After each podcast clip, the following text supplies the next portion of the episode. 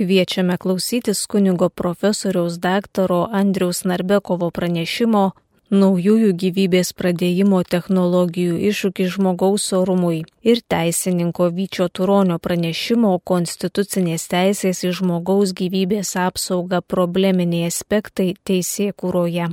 Įrašas iš Respublikinės mokslinės praktinės konferencijos Gyvybės kultūros puoselėjimas technologijų pažangos laikmetyje. Įrašų dalyjasi Laisvos visuomenės institutas. Sveiki visi, mes kalbam apie tą Jėzaus Kristaus antrąjį ateimą. Ir ten yra pasakyta, sako, bet ar atėjęs į žemę jis dar suras tikėjimą. Tai iš tikrųjų ne poterių mūsų klausinės, bet aš galvoju, jis žiūrės kiek mumise išliko žmogaus, kiek mumise išliko žmogiškumo, nes tikėjimas yra tai, kuo mes gyvenam, kaip mes gyvenam. Ir manau, kad šitos technologijos, apie kurias aš dabar kalbėsiu, savo pranešimą turiu pasakyti, iš esmės pakeičiau arba jį papildžiau šią, šią naktį, nes ryte radau gerą straipsnį. Ir... bet pamatysit kokiam nemoksliniam leidinį, bet e, tuoj pamatysit, ką aš norėjau pasakyti. Iš tikrųjų, šiais laikais, čia citatos iš to straipsnio, šiais laikais medicina gimdymą pavertė medicininė procedūra, kuri kartais vyksta natūraliai. Gimdymas yra natūralus procesas, kuriam kartais reikia medicininių intervencijų. Čia visą tai galime ekstrapoliuoti į tai, kaip gyvybė atsiranda kartais reikia pagalbos.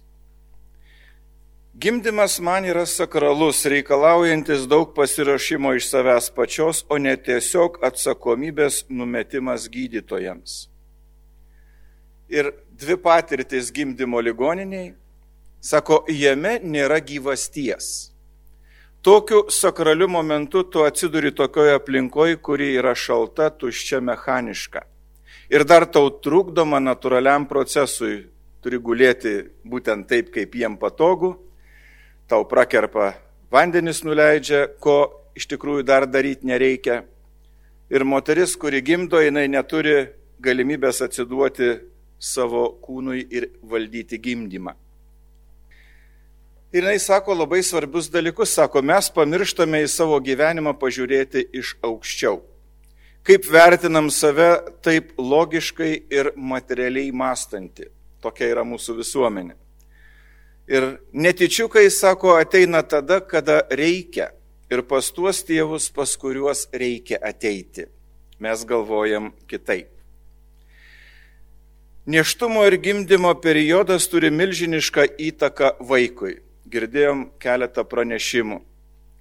Besilaukiančios mamos būsena ir santykis su vaiku iki jam sueis trys metai yra tarsi vaiko pasąmonės pamatas.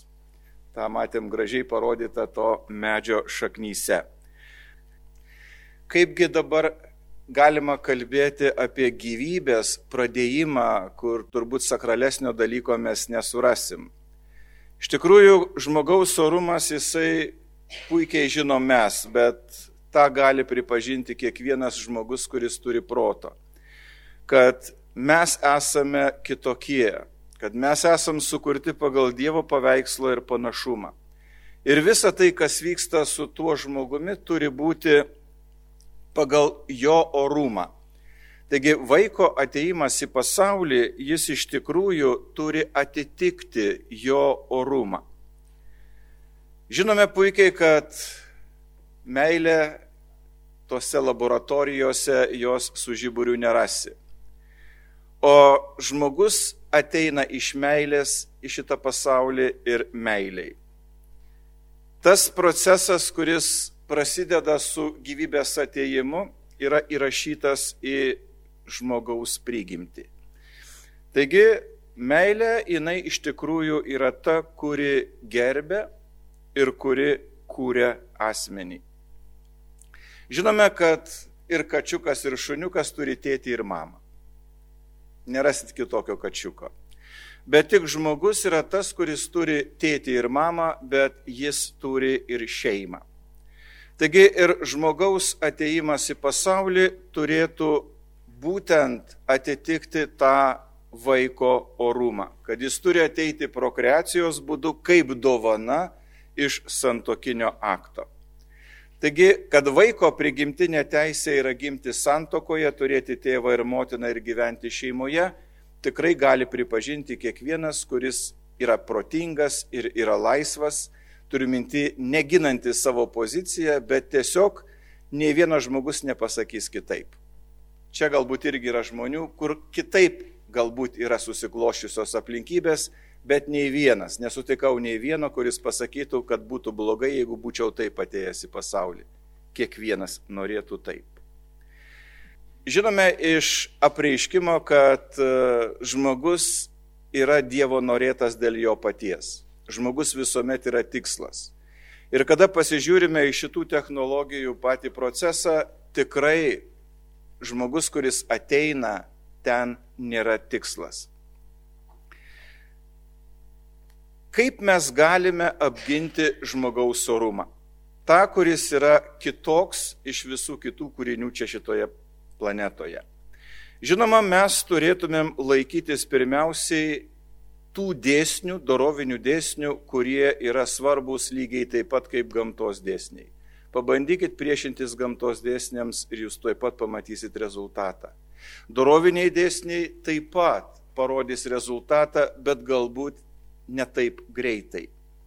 Taigi mūsų laisvė visuomet yra susijusi su mūsų pasirinkimais.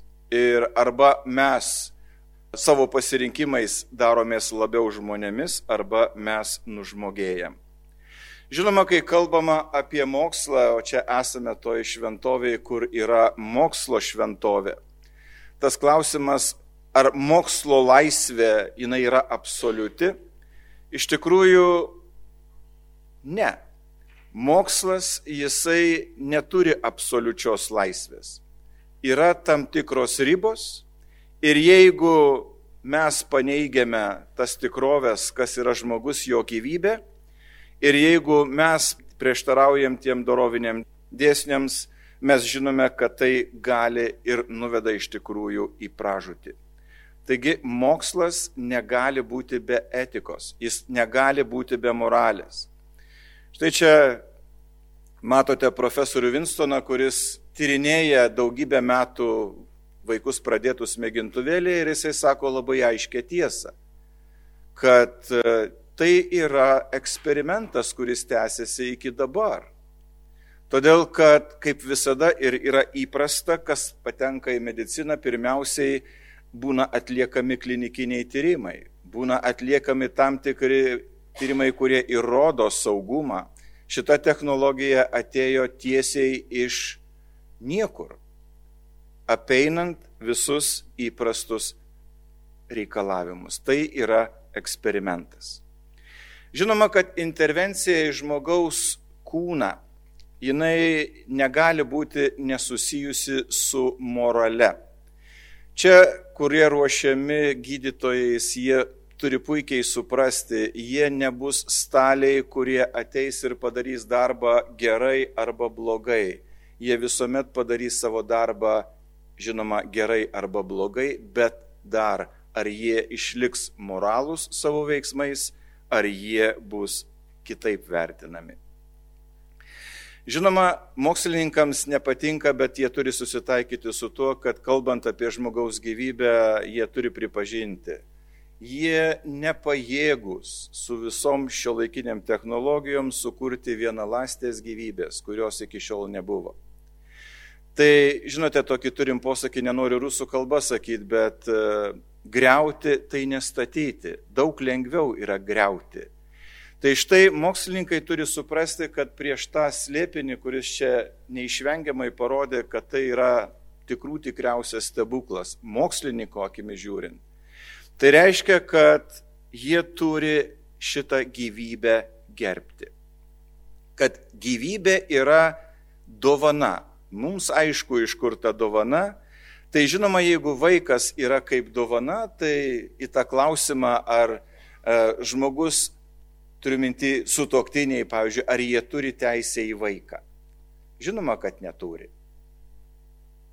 Todėl, kad niekas neturi teisės į dovaną, tu ją gali gauti ir gali jos negauti. Niekas neturi teisės kitą žmogų turėti. Taigi šitos intervencijos, kurios yra susijusios su žmogaus gyvybės pradėjimu, jos yra nepriimtinos ne dėl to, kad jos yra dirbtinės. Kartais girdim argumentą, nieko čia dirbtinio nėra, čia viskas yra natūralu kaip apie kontracepciją išnekant. Sako, čiagi visos medžiagos natūralios, čia nieko dirbtino nėra. Iš tikrųjų, tos technologijos tikrai liudyja, kad medicina yra menas. Nors aš dabar vis toliau imu abejoti, kad jau nebe menas, bet yra kažkas kito. Tačiau mes turime suprasti, kad žmogaus gyvybės atsiradimas, jis turi atitikti tai, kad jis ir jo orumą, kad jis ateina būtent kaip dovana į šitą pasaulį. Čia tokia mažutė ištraukėlė parašiau iš e, vienos gydytojos chirurgės, mano mokytojos, galiu sakyti, periferijoje dirbančios ir dar šiandieną. Jis rašė tokį apsakymą, tokį, nežinau kaip čia įvardinti literatūriškai, bet buvo tokie žodžiai, jis rašė apie operacinę kaip šventovę ir kada tu ateini į operacinę, tai operacinis stalas yra kaip altorius. Aš galvoju, tokie gydytojai turi ateiti į tai, kur yra to šventovės. Jeigu mes žinom, kas vyksta ant to stalo, tose klinikose, kurios sako, kad jos kūrė gyvybę, ant to pačio stalo yra žudomi negimę vaikai.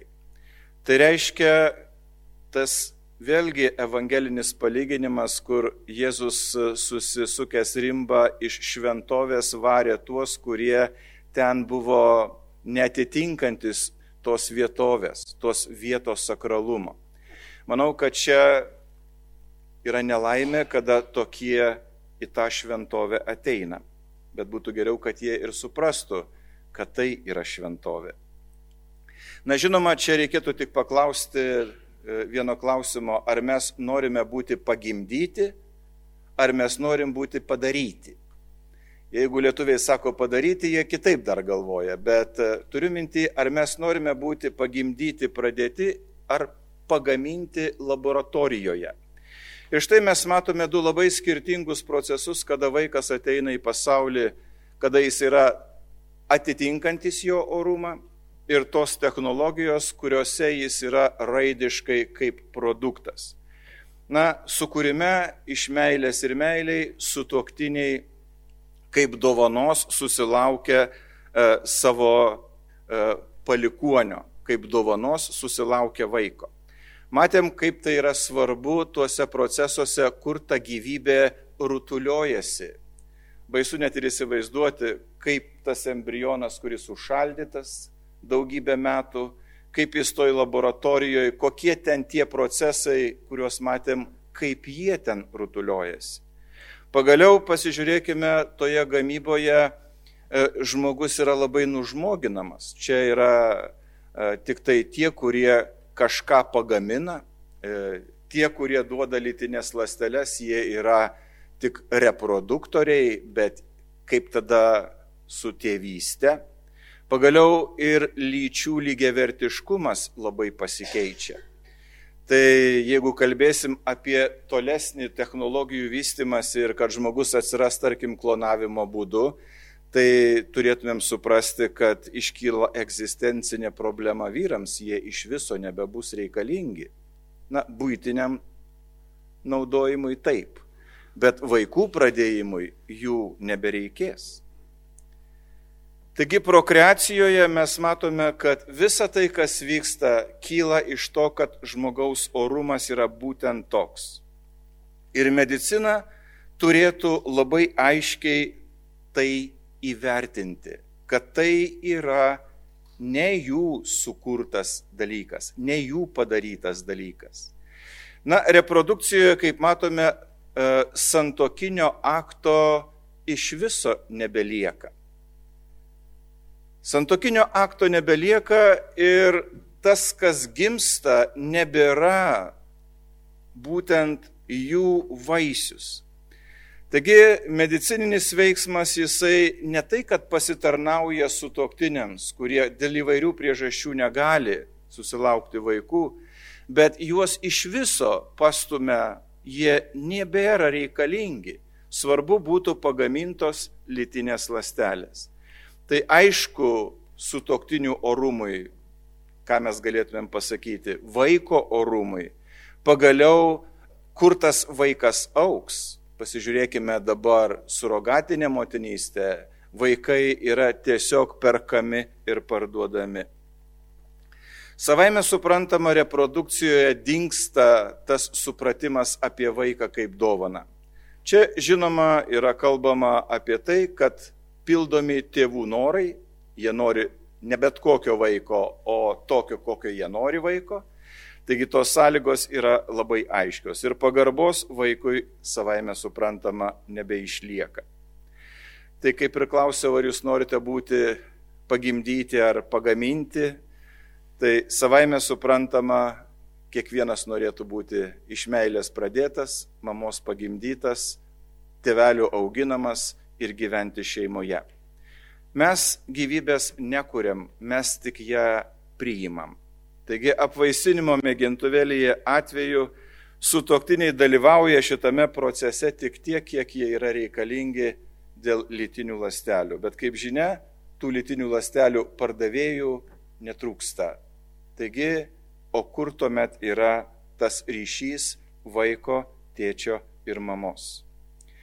Žinoma, kad reprodukcija yra labai nužmoginanti ir patys terminai labai jau aiškiai sako nes e, reprodukcinės e, teisės, e, reprodukcinės technologijos tai visi zootechniniai terminai. Reproduktoriai tai yra mums seniai žinomi, bet visi jie perkelti į mūsų žmonių sferą ir manau, kad tai yra, kas mus ne tai, kad padarė labiau žmonėmis, bet mus pastumėjo į tų raguočių ir kitokių kuriems reproduktorių pagalba reikalinga. Žinoma, kad šita naujoji tvarka į vaikus žiūri kaip į pagamintus objektus, kaip į prekes ir turiu pasakyti, kad labai paklauses ir turinčias didelę kainą. Pagaliau mes matome tokį sunkiai anksčiau įsivaizduojamą dalyką, kad e, jeigu jie netitinka kažkieno standartų, jie gali būti tiesiog sunaikinti. Įteisinta yra preimplantacinė diagnostika, o ką tai reiškia tam, kuris jau pradėjo savo gyvenimą nuo apvaisinimo momento, kad jisai gali būti atrinktas, kažkieno nuspręsta, kad jis netinkamas ir tokiu būdu sunaikinamas. Taigi visame šitame procese, kuris yra tikrai nesukilninantis žmogų, bet nužmoginantis, e, mes prarandam ir tą suvokimą, o kam yra ir ta šeima reikalinga. O vis tik atsakyti į tą klausimą yra ir netaip sudėtinga. Tos vaiko prigimtinės teisės, apie kurias aš jau užsiminiau. Kiekvienas nori, kad būtų taip.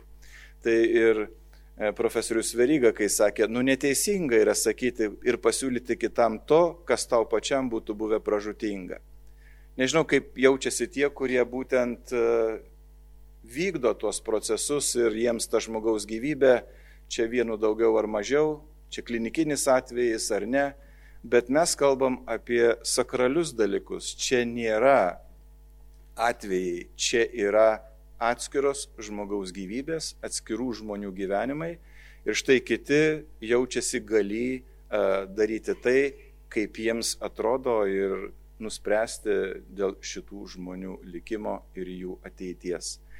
Dabar pabaigsiu irgi jau kaip kunigas apie tą pasaulio pabaigą, nes čia daug buvo kalbama iš tikrųjų. Man patinka šių laikų mąstytojo Luiso toks įsivaizdavimas apie pasaulio pabaigą. Jisai sako, jeigu jūs žiūrite spektaklį ir pagaliau pabaigoje jūs pamatote, kad išėjo režisierius arba išėjo piesės autorius, tai jūs ką suprantat? Kad jau spektaklio pabaiga. Tai iš tikrųjų, kuomet mes pamatysim tą režisierių laikų pabaigoje, bus spektaklio pabaiga. Bet mums reikia suprasti, kad to mums bijoti nereikia. Pasaulio pabaiga nebus, kad čia viskas tik išsikvėpė, baigėsi resursai, pišt ir pasaulis sunyko, subliuško ir iš to nieko neliko. Ne tai bus. Tas režisierius, manau, tą padarys ypatingų būdų, ypatingų būdų ir tokiu, kuris mums bus kaip žmonėms manau, toks, apie kurį mes užtat ir įsivaizduoti negalim. Bet jis kontroliuoja tą procesą. Ne šitie veikėjai, kurie čia tą daro, ne kažkas, kurie daro ir tokius dalykus, kurie gali sukelti katastrofas, ne jie yra režisieriai. Taigi, laukim ir dirbkim, nebijokim, nebijokim sakyti, nors tos prieš priešos labai daug mes ir sutiksim, bet paskui bus daugiau ar mažiau aišku. Ačiū uždėmesi.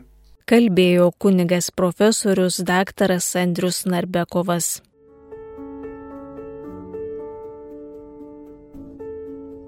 Dabar klausykime teisininko Vyčio Turonio pranešimo.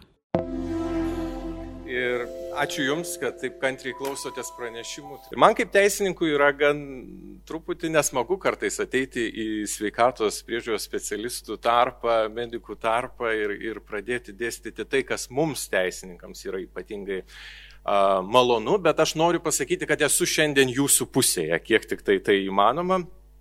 Ir kaip ir visada, turint mažai laiko pranešimui, yra gerai užtęsti dar daugiau pranešimą ir aš norėčiau pradėti ne nuo teisinės informacijos, bet nuo anegdoto. Pakelkite rankas, kiek iš jūsų uh, žinote anegdotų apie savo profesiją. Ar, ar yra tokių? Yra, vienas kitą žino. O aš žinokit, iki vakar vakaro aš nežinau ne vieno. Kažkodėl tai tiesiog, na, nepasidomėjau, bet radau vieną, kuris labai labai tinka mūsų šiai dienai ir mūsų aptarimiem klausimam. Taigi, aš skaitysiu, nes dar neišmokau. Politikas, teisininkas, gydytojas ir statybininkas ginčijasi, kieno profesija senesnė. Kai Dievas išvarė Adomą su Jėva iš rojaus, tai buvo juridinis aktas, sako teisininkas. Bet prieš tai Jėva buvo sukurta iš šonkaulio, o tai chirurginė operacija, sako gydytojas. O dar prieš tai juk reikėjo pastatyti rojų, nes iki tol buvo tik chaosas, sako statybininkas. O chaosą sukūrėme mes, tarė politikas.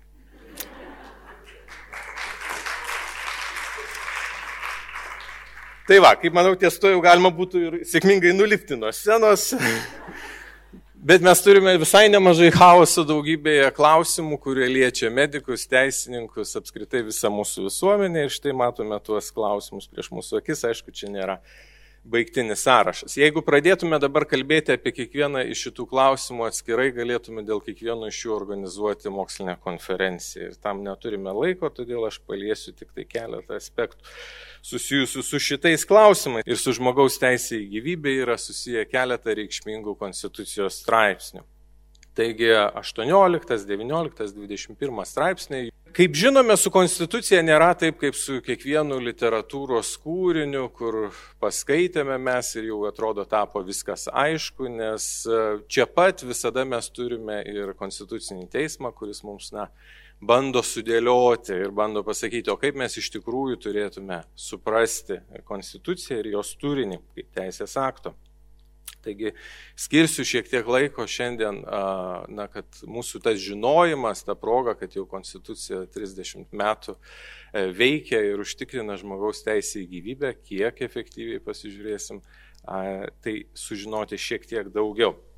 Taigi pirmiausiai už mūsų akių kliūva tas toks 18 straipsnis, gan pretenzingas ir, na, galbūt didžiąją daugumą žmonių apskritai nieko nesakantis. Taip, kaip Jūs manote, ką reiškia, kad žmogaus teisės ir laisvės yra prigimtinės?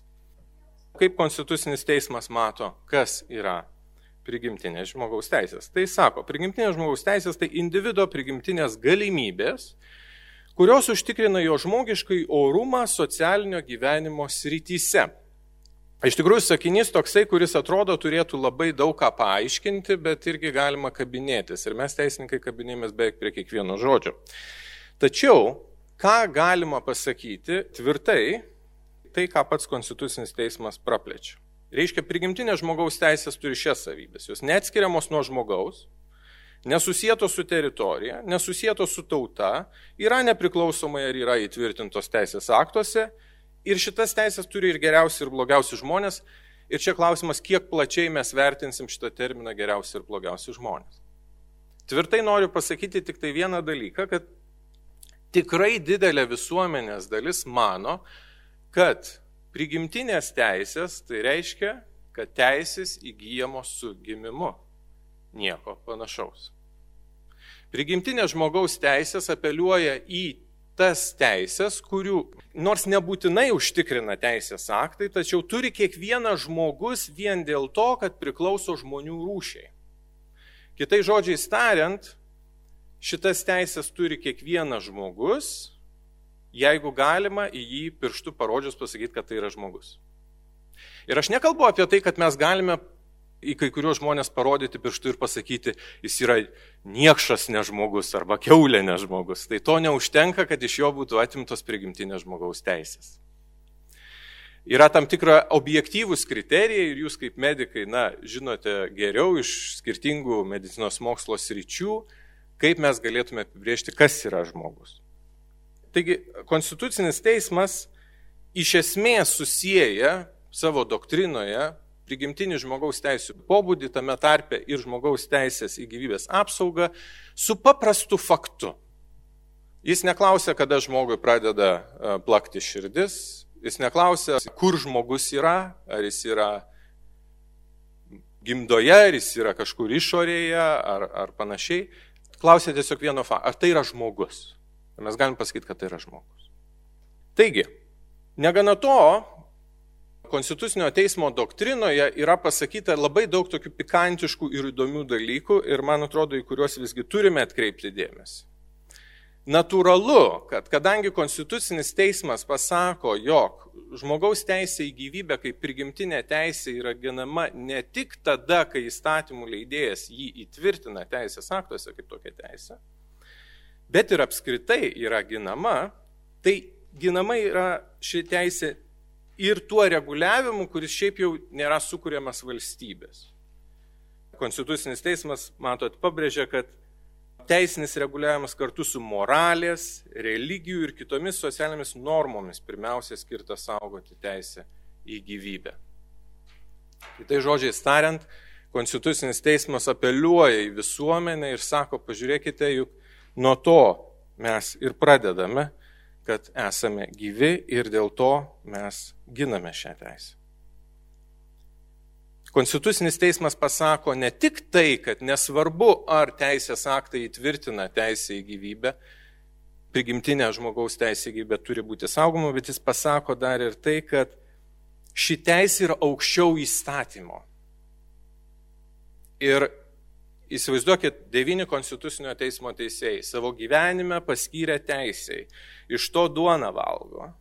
Jie sako, teisė čia neturi, kai teisė rašytinė pozityvistinė to žodžio prasme neturi lemiamo žodžio ir savo poziciją argumentuoja tuo, kad žmogaus gyvybė ir jo orumas sudaro asmens vientisumą, reiškia žmogaus esmę, gyvybė ir orumas yra netimamo žmogaus savybės, todėl negali būti traktuojamos atskirai. Tam tikra prasme susijęjama yra teisės priežastis, kodėl konstitucija ir prigimtinė teisė gina teisę žmogaus teisę į gyvybę su pačiu žmogum, su pačia jo esme. Ir suriždamas žmogaus gyvybę ir orumą, konstitucinis teismas tada drąsiai sako, kad gyvybė ir orumas tokiu požiūriu išreiškia nepaprastą žmogaus esmę, kuri yra aukščiau įstatymą. Bet mes žinome, kad visuomenėje na, kartais reikia ir žinom, kad na, yra reikia teisės, teisų balansavimas, čia vat, matau politikų, žinau, yra skirtingi interesai. Ar Konstitucinis teismas kažką pasako mums apie tai, kaip reikia balansuoti interesus, kai kalbame apie žmogaus teisę į gyvybę? Konstitucinis teismas mums viską pasako, tai pasako ir tai. Taigi, interesų balansavimui Konstitucinis teismas mums siūlo tai, kad bendrų interesų apsauga demokratinėje teisinėje valstybėje negali paneigti konkrečios žmogaus teisės apskritai. Juolab, kai kalbam apie prigimtinę žmogaus teisės, teisę į gyvybę. Ką tai reiškia? Tai reiškia, kad taip, kai kalbam pavyzdžiui apie nusikaltelį, kuris yra uh, serijinis žudikas, natūralu, kad valstybė turi priimti tokius teisės aktus, kurie neleistų jam toliau skleisti to blogio, žudyti žmonių. Tačiau net serijinio žudiko atžvilgių negali būti taikomos bet kokios priemonės. Ir tą Konstitucinis teismas eksplicitiškai nurodė savo Konstitucinio teismo nutarime 98 metų gruodžio 9 dienos. Taigi, kai kalbame apie žmogaus teisę į gyvybę, nelabai išeina jos riboti taip, kad nepaneigtum jos esmės. Sutiksit, esi arba gyvas, arba negyvas. Ne? Taigi, na, kokios yra gyvybės sąlygos, žmogaus gyvybės sąlygos? Deguonis, maistas, kas dar, medikai jūs žino daugiau. Tai vad visos būtinosios sąlygos turi būti žmogui teikiamos visada nuolat, kad žmogus galėtų būti gyvas. Bet kokiu atveju ribojant taip žmogaus teisę, kad žmogus po tokio apribojimo kabutėse taptų nebegyvas, tai pažeistų konstituciją. Kaip ir minėjau, konstitucinis teismas žmogaus teisės į gyvybę klausimus ir doktriną formulavo būtent mirties bausmės kontekste. Ir tiesiai pasakė, kad valstybė neturi tokios galios, teisės atimti kito žmogaus prigimtinę teisę į gyvybę, šiuo atveju pačią gyvybę. Ir tai užkerta teisę įstatymų leidėjų įtvirtinti įstatymę mirties bausmę. Net patiem patiem patiem blogiausiam. Aš minėjau, kad yra eutanazijos klausimai. Ne?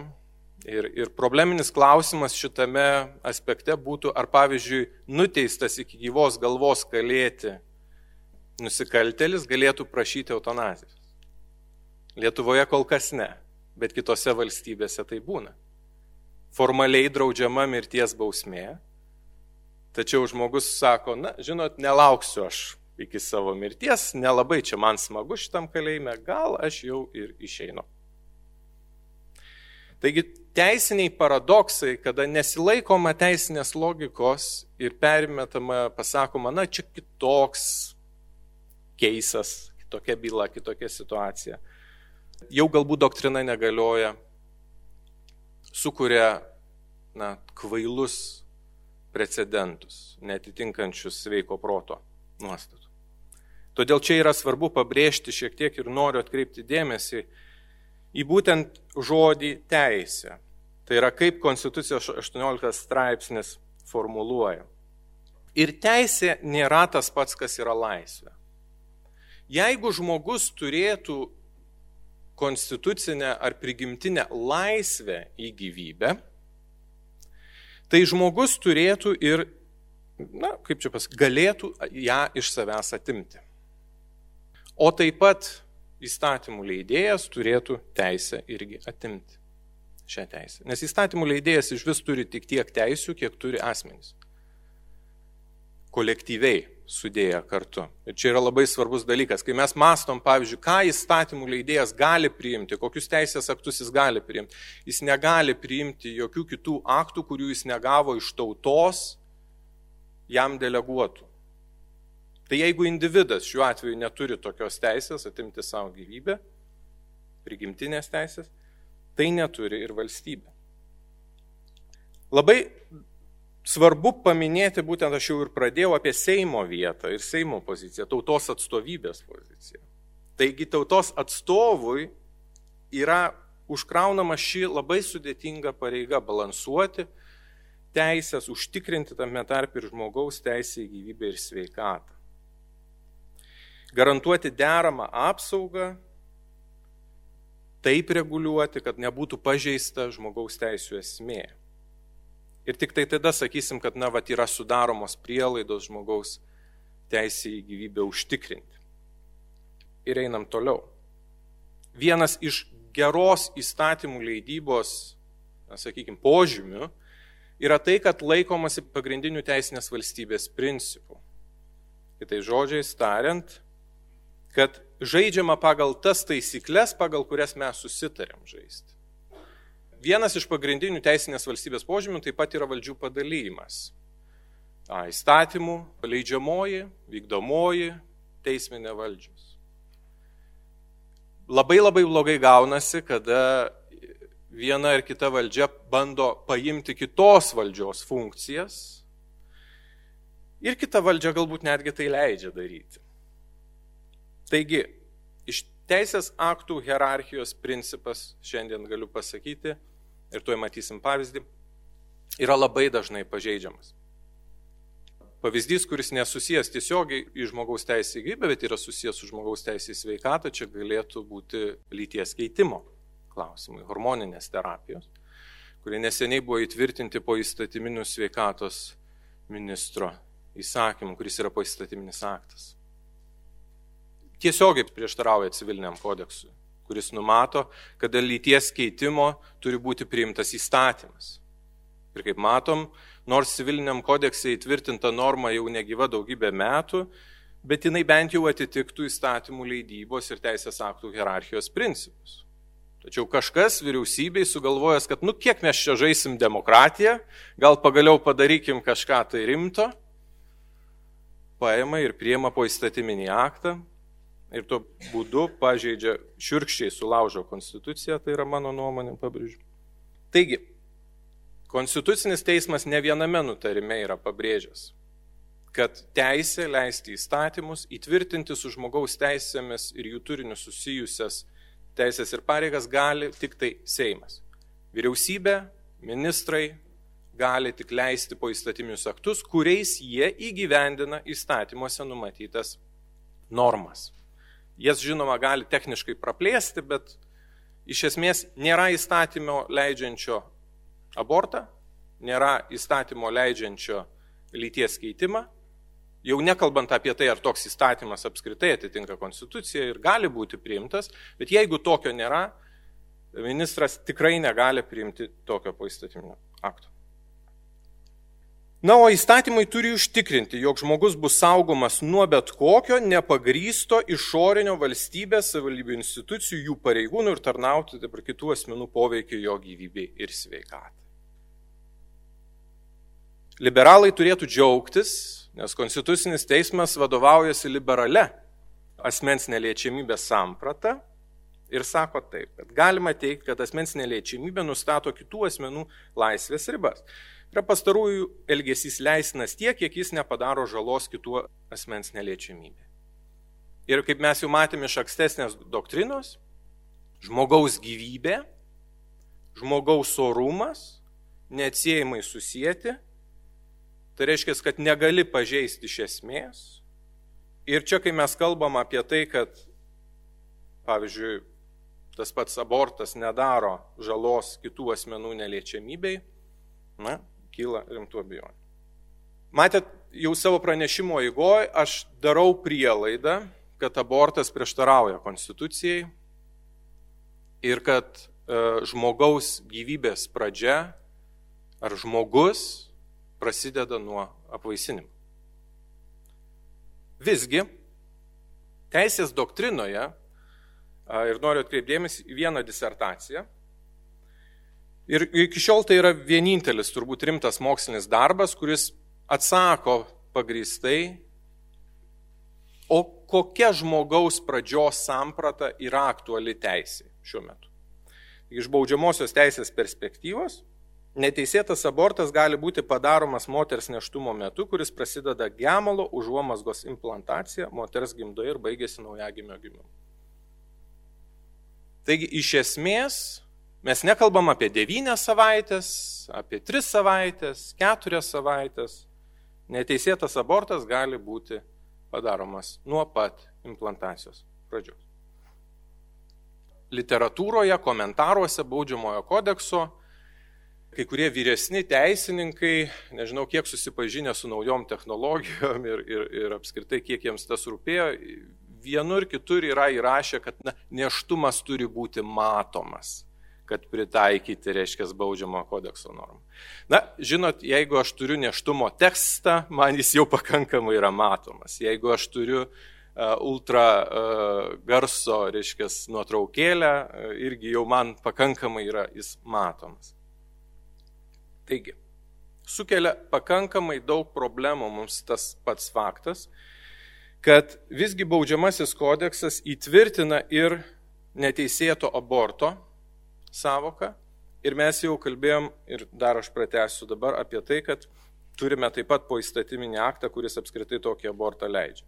Tas aktas dabar galiojantis dar keletą mėnesių yra vat, sovietinis palikimas, matom, čia visiškai yra tokia, nežinau, net gaila matyti paskutinius mėnesius, vat, TSRS, sveikatos apsaugos ministerija ten patvirtina panašiai. Čia turbūt tokių teisės aktų labai daug nebelikė, kur, kur būtų labai senas palikimas, rudimentas. Mokslas, medicina pažengė labai labai toli, bet moralė atrodo nelabai ir štai mes matom naują ministro įsakymą, kuris įsigalios nuo sausio pirmos dienos medicamentinio aborto, kas buvo aptarta. Tai dabar Mėlyjei, jeigu mes žiūrim baudžiamojo kodekso nuostatas, kurios įtvirtina, kas yra neteisėtas abortas ir kas yra privertimas darytis neteisėtą abortą, kyla labai labai rimtų klausimų, kaip tos nuostatos yra suderinamos su dabartiniu šitų poįstatyminiu reguliavimu. Nu, viena vertus jis apskritai yra neteisėtas, bet kita vertus, tarkim, gerai, aš suprantu, medikų personalui, sveikatos priežiūros specialistam ministro įsakymas yra konstitucija. Jau čia nieko nepadarysi. Bet praktikoje iškyla iš tikrųjų labai daug problemų, nes įsivaizduokim farmacininką, kuris priverstas yra parduoti vaistinį preparatą, vaistinio net neapsiverčia liežuvis jo vadinti taip, nu, bet tarkim, cheminę priemonę, kuria gali būti nutrauktas neštumas. Kas užtikrina, kad moteris suvartos tą tabletę įstatymo numatytų laiko rėmos? Šiuo atveju net ne įstatymų, įsakymo numatyto laiko rėmus.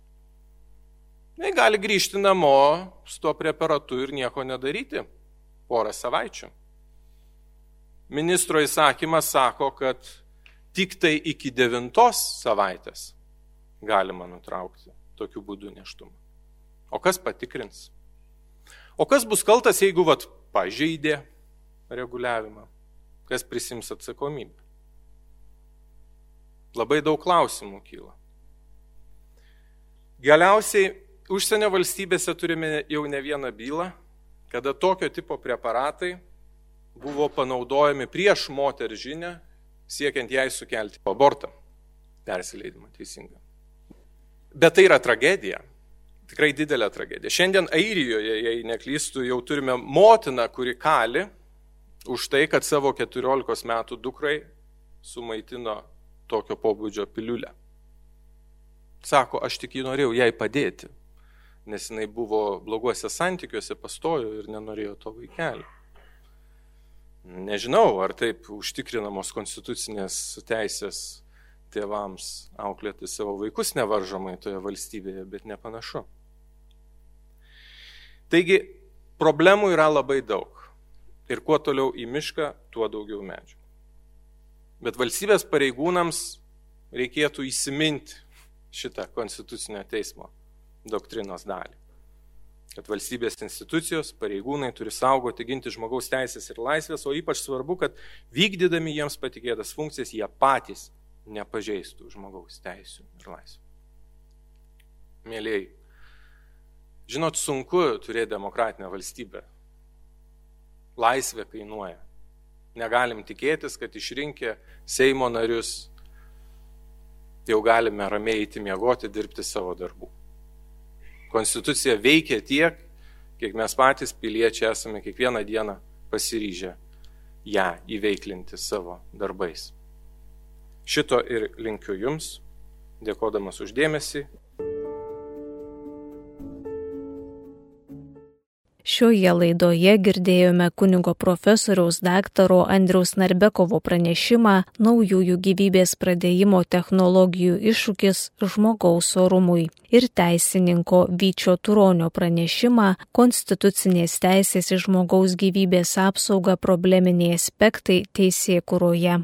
Įrašas iš Respublikinės mokslinės praktinės konferencijos gyvybės kultūros puoselėjimas technologijų pažangos laikmetyje. Įrašų dalyjasi Laisvos visuomenės institutas.